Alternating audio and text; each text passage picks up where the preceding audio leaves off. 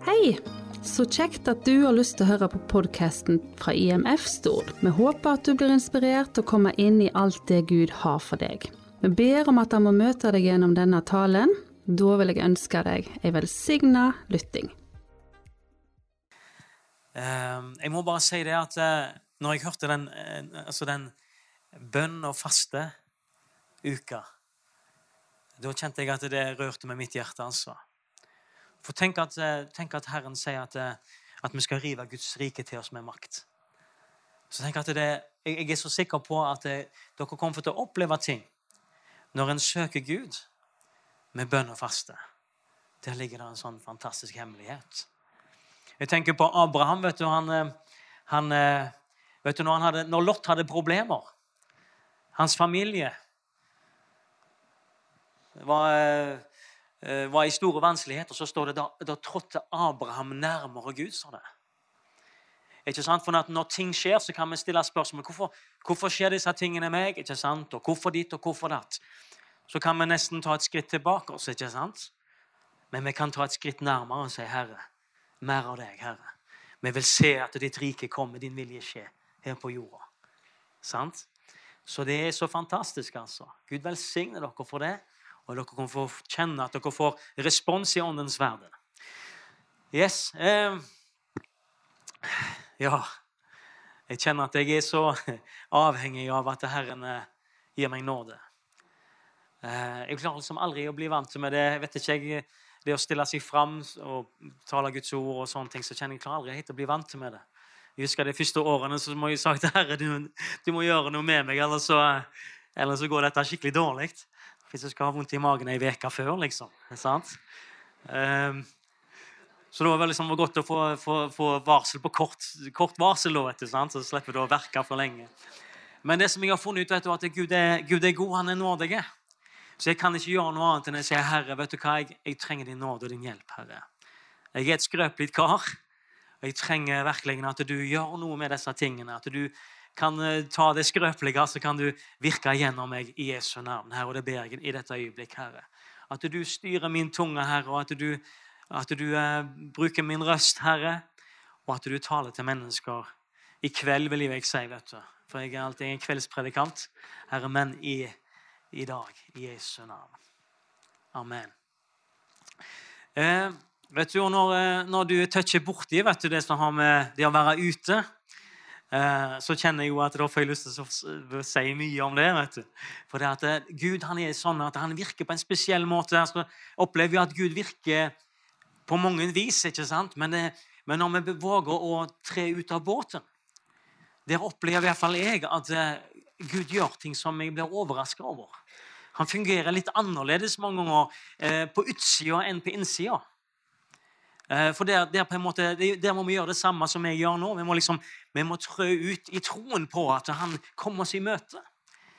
Og da vi gjerne, kan vi bli kjørt til veggs noen ganger altså, på ting som vi ikke alltid har like mye svar på.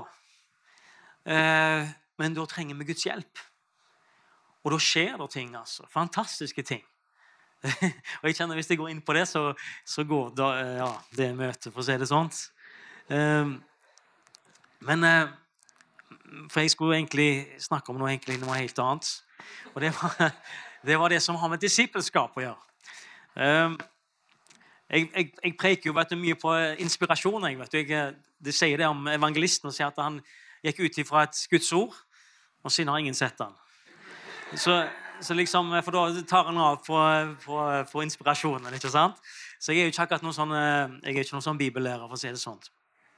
Men eh, jeg har lyst til å bare dele med deg på en måte hvor radikalt egentlig frelsene er. Utgangspunktet. Um, og Jeg husker jeg spurte en en gang om han var kristen eller om han var frelst. Hvilket begrep du bruker. ikke sant? Så sånn, ja, Det hadde han ikke lyst til å snakke om, for det var en privatsak. Og det er jeg ikke helt enig om at det er. For hvis vi leser f.eks. Eh, Romerne 10,9 For dersom du bekjenner Herren Jesus med din munn og tro i ditt hjerte at Gud har oppreist han fra de døde, skal du bli frelst. For med hjertet troen til rettferdighet, og med munnen bekjenner en til frelse.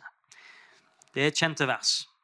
Og så er det da vet du, det, en, det finnes en amplified bibel. På engelsk så Uh, Det betyr jo egentlig amplified, det som er forsterka. Det samme som du hører meg gjennom mikrofonen her. Amplified det, det er jo en forsterka utgave. Og så skal jeg bare lese til deg eh, hvordan den engelske amplified er. Har jeg oversatt den til norsk, så får du bare ta det sånn som det, det er.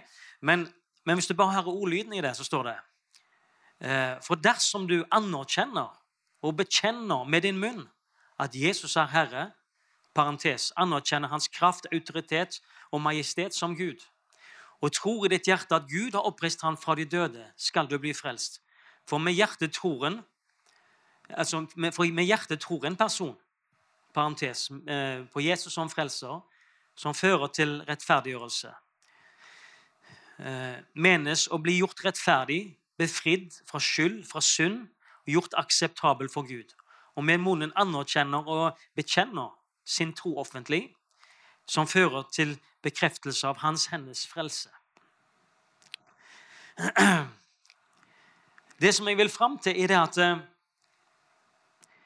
at frelsen er egentlig noe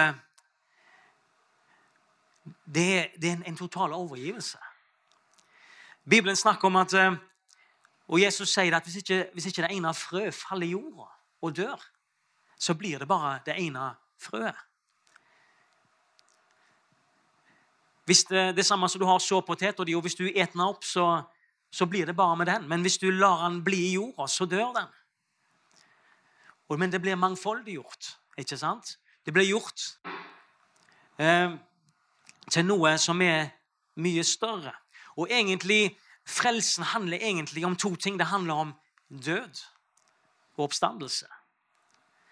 For eh, jeg husker, jeg vet ikke hvordan det var med deg, men når jeg ble frelst Så det å, det å bøye seg på innsida Det var en utrolig smertefull vei for meg å gå, i alle fall. Og på en måte det å knekke i kne og si 'Herre, her har du meg'. Og da kjente jeg at eh, det, det ble en død på innsida, altså. Det var noe som døde. Men så fikk jeg oppleve da at det var en oppstandelse der. Hjertet ble fylt med liv og med fred og begeistring. Og egentlig det som, jeg, eh, det som jeg kjente var vanskelig å gi fra meg, det var egentlig det jeg hadde lyst til å bli kvitt. Det var det som på en måte lagde alt krøll i livet kan du si, for meg. Og sånn er det òg at, eh, at hvis jeg ønsker å bli en kristen, men ikke ønsker å gi fra meg noe, så kan det bli veldig teoretisk. Og Derfor har vi opplevd det kanskje i kampanjer og sånne ting, så, så kan noen komme fram på en invitasjon, eller hva det, på hvilken måte det foregår på. Så, så kan det bli veldig sånn For noen som har et hjerte som bøyer seg der, der, der, der skjer en død, en overgivelse, der skjer det òg en oppstandelse. Det blir et nytt liv. Men hvis jeg ønsker å, å, på en måte ta Jesus med meg på min vei, på min vandring, så blir det en tørre vandring, for å si det sånn. For det handler om vet du, vet du, Paulus sier det at eh, for meg er livet Kristus og døden en vinning. Og Bibelen sier til og med det at etter vi har overgitt vårt liv til Gud, så tilhører ikke vi lenger oss sjøl. Du er faktisk ikke herre i ditt eget liv lenger. Og det, det, det knaker når man snakker sånn. Men det er faktisk så radikalt. At vi, vi går ifra en herre til en annen herre. Og Før så var det jeg som satt på en måte med, med roret i mitt liv. Og Jeg var innom en del skjær kan du si, langs veien. Men det er det det dreier seg om. At Herre, nå skal du få lov til å være styrmann og skipper på skuta her. Jeg er, ikke, jeg er ikke, noe Ja, du skjønner, jeg jobber ikke på sjøen. Men altså, han får overta. Sant? Der er det er det egentlig frelsen går ut på i utgangspunktet.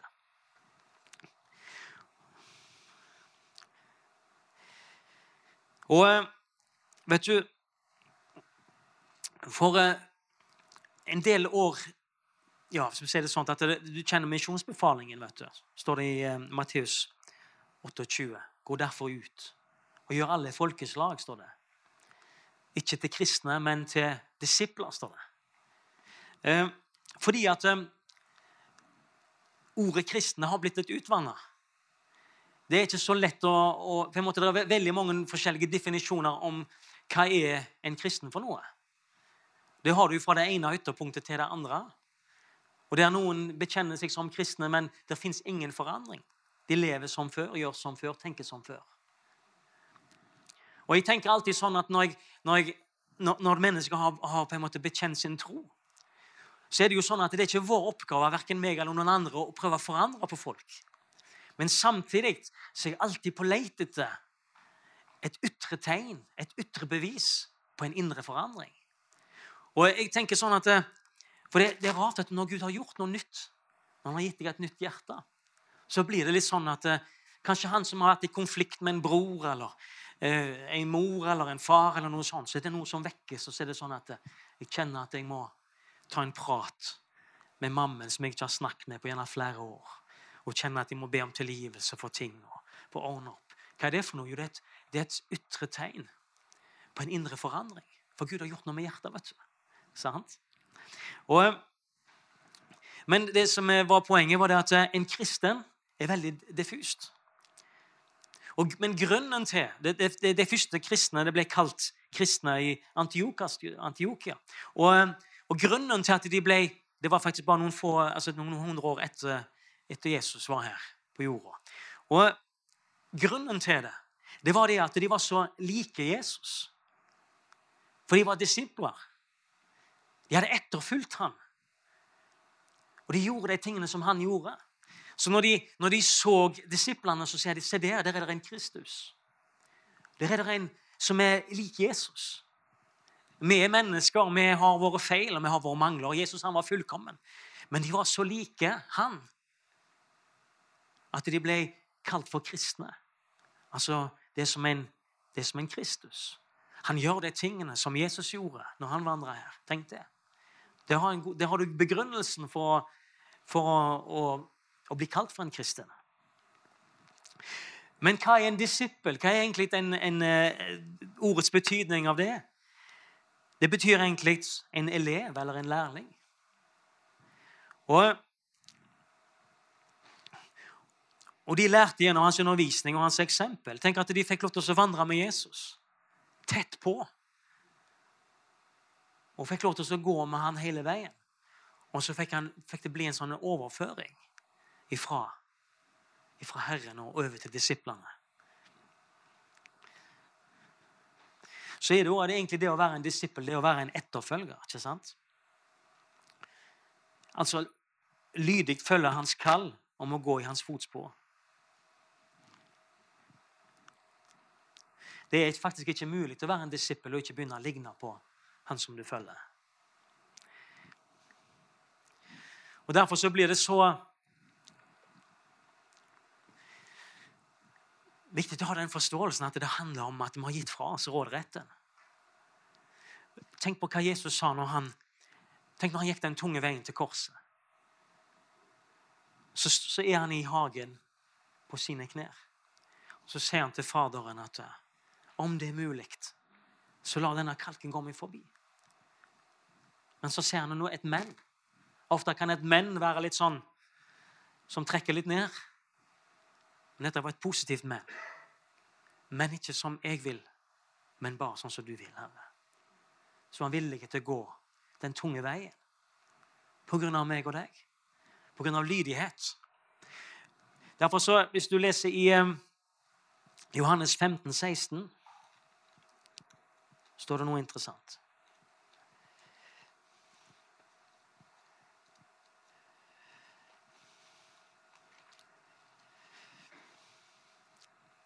Der står det Dere har ikke utvalgt meg, men jeg har utvalgt dere og satt dere til å gå ut og bære frukt. Frykt som varer, står det. Dere har ikke utvalgt meg, men jeg har utvalgt dere og satt dere til å gå ut og bære frukt.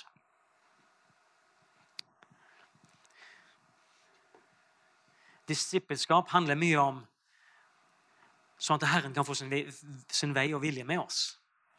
Sånn at vi kan bli kommet i, denne, i den situasjonen at vi kan få lov til å bære frukt. For det er det Herren tenkte oss i utgangspunktet. det var egentlig at han har gitt oss en befaling. Gå derfor ut. Det er misjonsoppdraget. Disippelskapet er egentlig fellesskapet med Herren. Og så er det da istandsettelse til å fullføre oppdraget. Og tenk det at det hadde ikke det vært for at eh, Jeg tror at eh, den prisen som, som, som Herren betalte for mitt og ditt liv, det er så dyrebart at han ville heller hatt oss hos seg. Men grunnen til at vi får lov til å være her på jorda, tror jeg, det er for at vi har en hensikt og et oppdrag. Og jeg må si det har litt med hvordan du tenker. Jeg har alltid tenkt sånn at eh, Helt siden jeg ble frelst, så var jeg så heldig og, og fikk lov til å være i lag med en, en, en venn av meg som, som brant i begge ender. altså. Og det var så naturlig for meg. og Hvis, jeg, hvis ikke jeg var så frimodig, så, så, ropte han litt høyt, og så bare pekte han på meg. Så jeg, jeg, jeg fikk det liksom helt gratis, kan du si, akkurat den biten der. Men det ble naturlig for meg å vite at, eh, at vi er faktisk satt på denne jorda med en hensikt og et kall og en tjeneste. Og Derfor har jeg alltid tenkt sånn at eh, Herren har kalt meg til å stå fulltid i Hans rike. Ikke i forbindelse med jobb, eller noe sånt, men husker når jeg jobba på forskjellige plasser, så tenkte jeg at eh, jobben jeg har, det er kun med en hensikt, og det er å tjene penger. Også, og, og, på en måte å få lov til å være i det miljøet eh, og få lov til å virke, kan også være til stede der. Men min hensikt der var å være en representant for han. Ikke sant? Og ut ifra hvordan du tenker, vet du, så, så vil du erfare ting ut ifra hvordan Det var samme som han, vet, det er sånn gammel historie vet du, som går vet du, om han som, han som ble sånn agent for å skulle selge sko. vet du. og Så ble han sendt til Afrika av alle plasser. Og Så kom han tilbake, vet du, sant? og så sier han det er jo ikke en mann som bruker sko der nede. ikke sant? Der den bygda han var, kom til der. Sant? Så han reiste jo hjem og var skuffa. Så fikk de en ny agent, ikke sant? så sendte de han til samme plassen. Og han tenkte sånn, det er jo helt fantastisk, det er jo ikke en mann som har sko. Skjønner du? Det er jo et, et, et umettelig marked. sant? Det har med hvordan vi tenker. Men Gud har kalt deg til å tjene Han og leve for Han på heltid. Men du jobber gjerne en annen plass. Du er gjerne ikke pastor eller noe annet. Men Gud har kalt deg. Og tenk at, eh, og det, og det som jeg tror jeg vil avgjøre veldig mye hvordan vi erfarer ting, er det at eh, hvis vi har denne som Jesus hadde Ikke som jeg vil, Herre, men sånn som du vil. At vi får lov til å følge Han, og at ikke vi på, på en måte det, det, er veldig lett sånn menneskelig å si Jesus, nå, nå skal jeg ut på, på, tur. vet du, Nå skal jeg ditt og datt, og jeg har masse planer. Kan du bare velsigne dette? ikke sant? Bare legg din hånd på dette. sant? Men spørsmålet er da, vet du, at eh, har vi søkt om byggetillatelse. Det er litt viktig når du hvis, du hvis, du skal bygge noe på Stord. Det er viktig. Altså risikere at det ikke blir stående så lenge. sant? Og Sånn er det òg med oss. at eh, og Gud er jo tålmodig. vet du, Han er god og han er, han er, glad i oss. Men da på en måte må vi ta en sånn runde. vet du, sant? Og så havner vi litt i en sånn tørt land, og så må vi komme tilbake til utgangspunktet. Men det fins noe spennende. så Jeg vet ikke hvordan det er med deg, men jeg har alltid hatt, helt siden jeg var ungdom, det har ikke forsvunnet ennå, jeg har et behov for, for, for, litt spenning i livet. Litt action. Jeg tror det er lagt ned. Og det kan du få utløp for på en måte på et negativt vis. Men jeg tror at eh, i den vandringen og i det livet som Gud har lagt foran både meg og deg, så ligger det sånn naturlig ting ned der som gjør at det blir spennende. Og vet du hva som er veldig fordel? Når vi har overlatt se, se din virksomhet, ditt liv, din jobb, ditt hus, din bil, din, din framtid Se at det er butikken din. Og når du har lagt, sagt at herre, nå er det du som driver butikken, nå overgir jeg den til deg Vet du hva som er så fint med det? det er det at du slipper å være ansvarlig, for det er ikke du som er direktør lenger. Sant? Så når det er noe med økonomien din, eller et eller annet, så sier jeg herre, her ser du. Nå trenger din tjener han trenger faktisk noe hjelp her. Og det er du som er ansvarlig. Og vet du, Jeg har opplevd alltid at han fikser opp. altså. På underfullt vis. Så ordner han opp og sørger for det. Men det er jo klart at hvis jeg plutselig eh, sitter i direktørstolen igjen, og jeg driver butikken, ja, da er det jo jeg som sitter med ansvar for alle utfordringene og problemene. Og Hvis jeg lytter til han og, og, og sier, 'Herre, når jeg har søkt deg om disse tingene' Før jeg kjøpte hus, eller før jeg gjorde ditt, før jeg gjorde det, så ba jeg til deg, jeg søkte deg, Herre, og du gav klarsignal. Ja, da er det jo du som må støtte meg og hjelpe meg. Jeg, jeg, kan gjøre det som jeg kan gjøre, men du må gjøre det alt som ikke jeg kan gjøre. Det, det, er, så, det lov til å være barn. vet du. Det, tenk at vi er Guds barn. Og det er det største vi noen gang kommer til å være. Og, og det fantastiske med å få lov til å være barn, og det er faktisk å slippe det byrdene. Jeg er sikker på at ungene dine slipper å tenke på hva renta er, og, og boliglånet ditt, og om bilen har vært på service. De slipper å tenke på det. Det er ikke deres ansvar.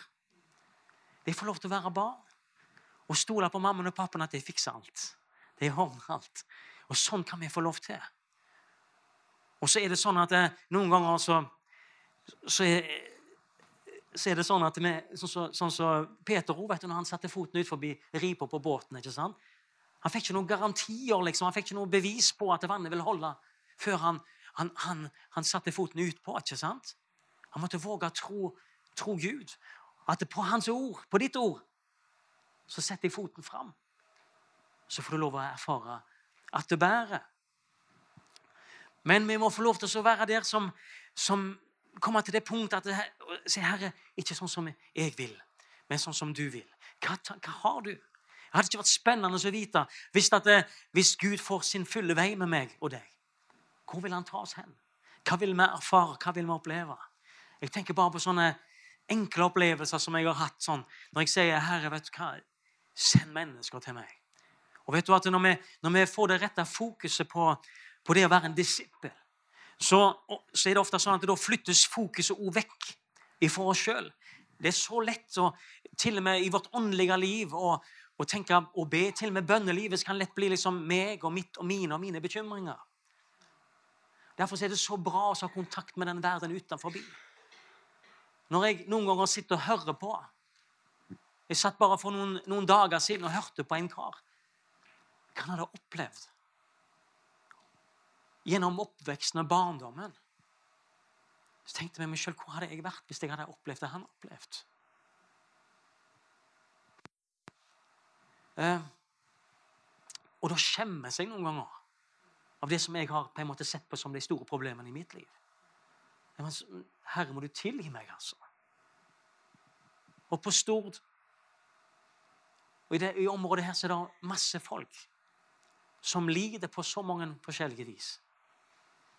Jeg tenker på, på, på Bare på Karmøy nå så var det tre-fire ungdommer som tok selvmord i løpet av noen få dager. Og Det trenger ikke nødvendigvis være ungdommer som, som havner helt på kjøret. Det, det handler om det, det, er ting som foregår på innsida. Og vet du at jeg har opplevd det at Gud han kan sende Når, når vi sier 'Herre, her er jeg. Send meg. Bruk meg.' Og Jeg har opplevd at noen har tatt tak i meg og dratt meg av gårde og det er ikke den personen egentlig som jeg, jeg har bare fulgt med. Og så har jeg blitt leda inn i en, innerst inn i en krok en eller annen plass der det sitter et eller annet menneske som aldri går ut. Som har ropt og bedt til Gud. Og så, så kommer du. Skjønner du? Det, det, det er jo vanvittig spennende. Vet. Og så få lov til å være der. Og tenk at det er Gud, de som roper på Gud, at de faktisk våger å sende deg. Tenk det. Og det gjør han. Men så gir han deg nåde, så du får gitt noe som er over, over det som du kan bidra med. Det er fantastisk spennende å være en disippel. Men disippelskap handler om lydighet. Og det handler om at det, det fins jo et offer. Jesus han sier at det er den som vil følge meg, han må ta opp sitt kors og fornekte seg sjøl og følge meg. Han sier at det plutselig er det en kostnad. Men så sier han også det at eh, den som mister sitt liv, han skal finne det. Men den som prøver å bevare sitt liv, han skal miste det. Og vet du hva jeg skal si det, er at eh, de menneskene som, som jeg har opplevd som de rikeste Ofte de som har gitt fra seg mest. Det er en Tenk at, at i den åndelige verden så, så, er ting litt snudd opp og ned. Opp ned. Den sier at gi, så skal du få. Den som mister sitt liv, er villig til å bare gi det fra deg. Så skal du finne det. For det finnes en, en, en, en rikdom på andre sida som ikke kan beskrives med ord.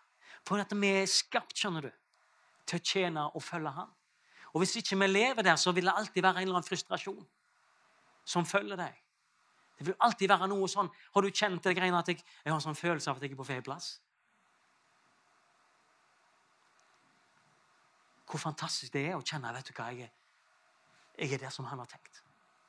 Det er ikke sikkert at alle spotlightene er på meg eller på deg, men kjenner jeg akkurat der som jeg skal være. Og da er det sånn at da bruker Gud deg der. Og det er så spennende. Og det gir sånn energi. Og det gir sånn livsglede. Og tenk at, eh, at meg og deg vi kan få lov til å legge noe Hvis du skulle reise herifra i dag, så er det noen greier igjen etter deg. Det er noen verdier, det er et hus, gjerne er hytte eller det er et eller annet.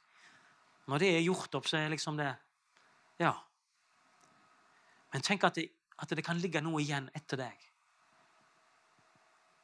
som bare går videre. Det fins noe evige ting som, som kan ligge igjen etter deg. At når et menneskeliv blir forvandla fordi at Guds ånd, og, og det blir en ny fødsel og en, en, en ny framtid i et menneske sitt liv, så blir ungene hans forandra. Etterkommerne hans blir forandra. Tenk, tenk de som har gått foran oss, som har tjent Gud. Ennå så vokser det som de planter. De, de gav seg sjøl til Herren og så til folket. Og de planta noe til, på denne øya her. De planta noe. Og vet du hva, det, det fremdeles, det spirer fremdeles og gror, men de kan ha reist hjem til Herren for 100 år siden. Og jeg kjenner det at eh, den dagen jeg reiser herifra, så har jeg lyst til at det skal være et, et spor igjen etter meg. Og at det er noe som vokser og gror videre. At det ikke bare var liksom Ja, han, han var en kjekk kar, liksom. Fint, det.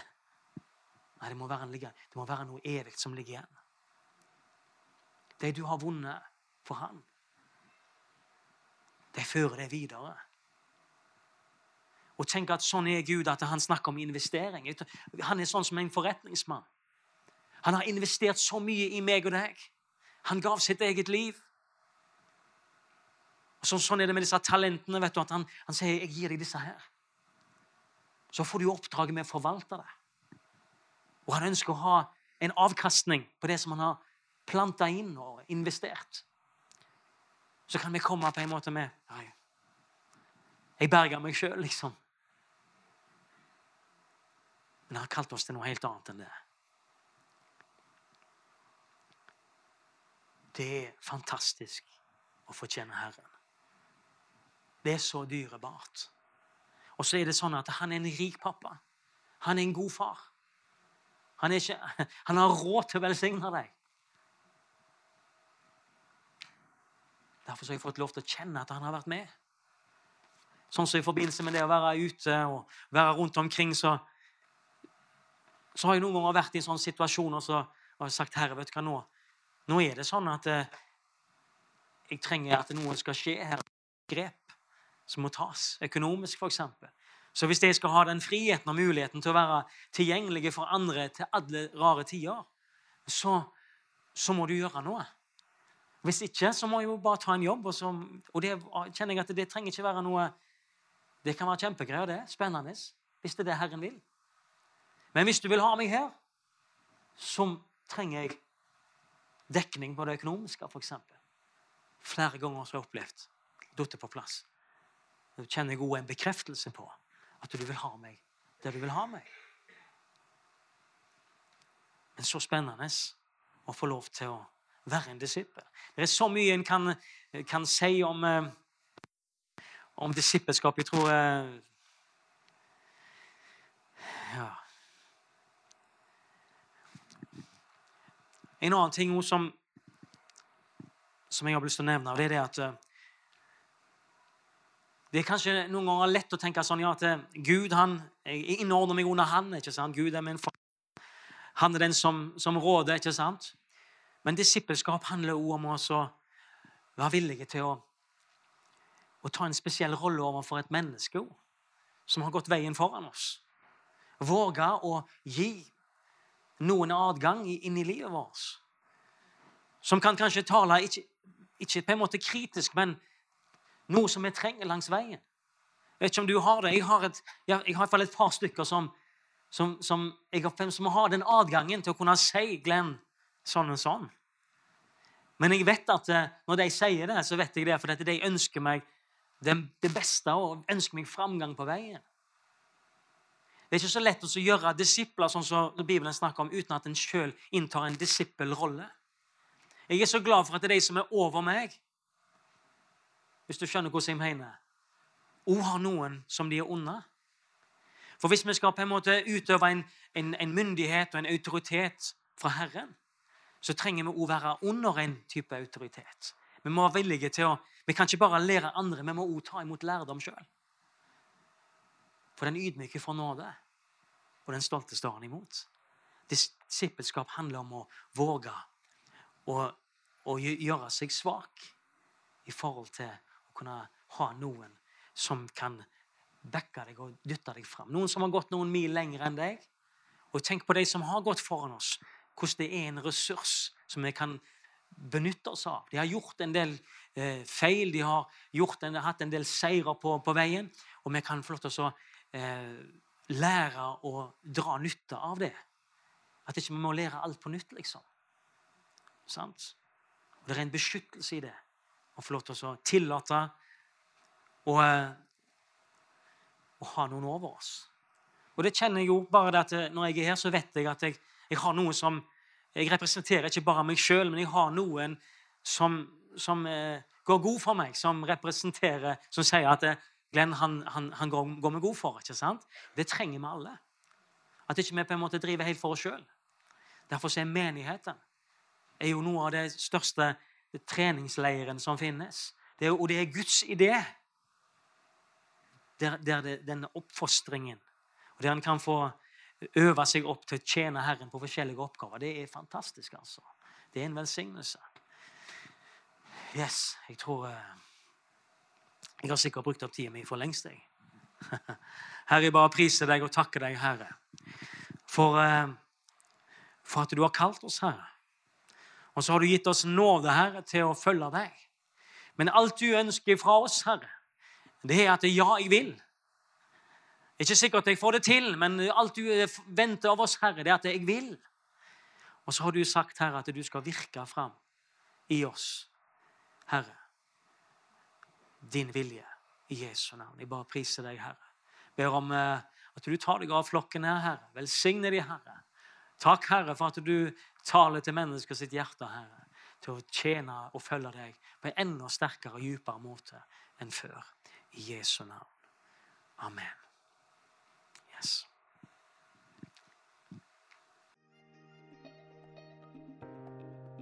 Da håper jeg du ble møtt av Gud gjennom denne talen. Husk han har kun det beste for deg. Vi vil òg benytte muligheten og ønske deg hjertelig velkommen til våre samlinger på Lærvik bedehus. Og mangler du et kristen fellesskap, er du velkommen til IMF Stord. Besøk oss gjerne på vår Facebook-side eller på vår hjemmeside imfstord.no for mer info. Ha en velsigna dag, da, og takk for at du lytta.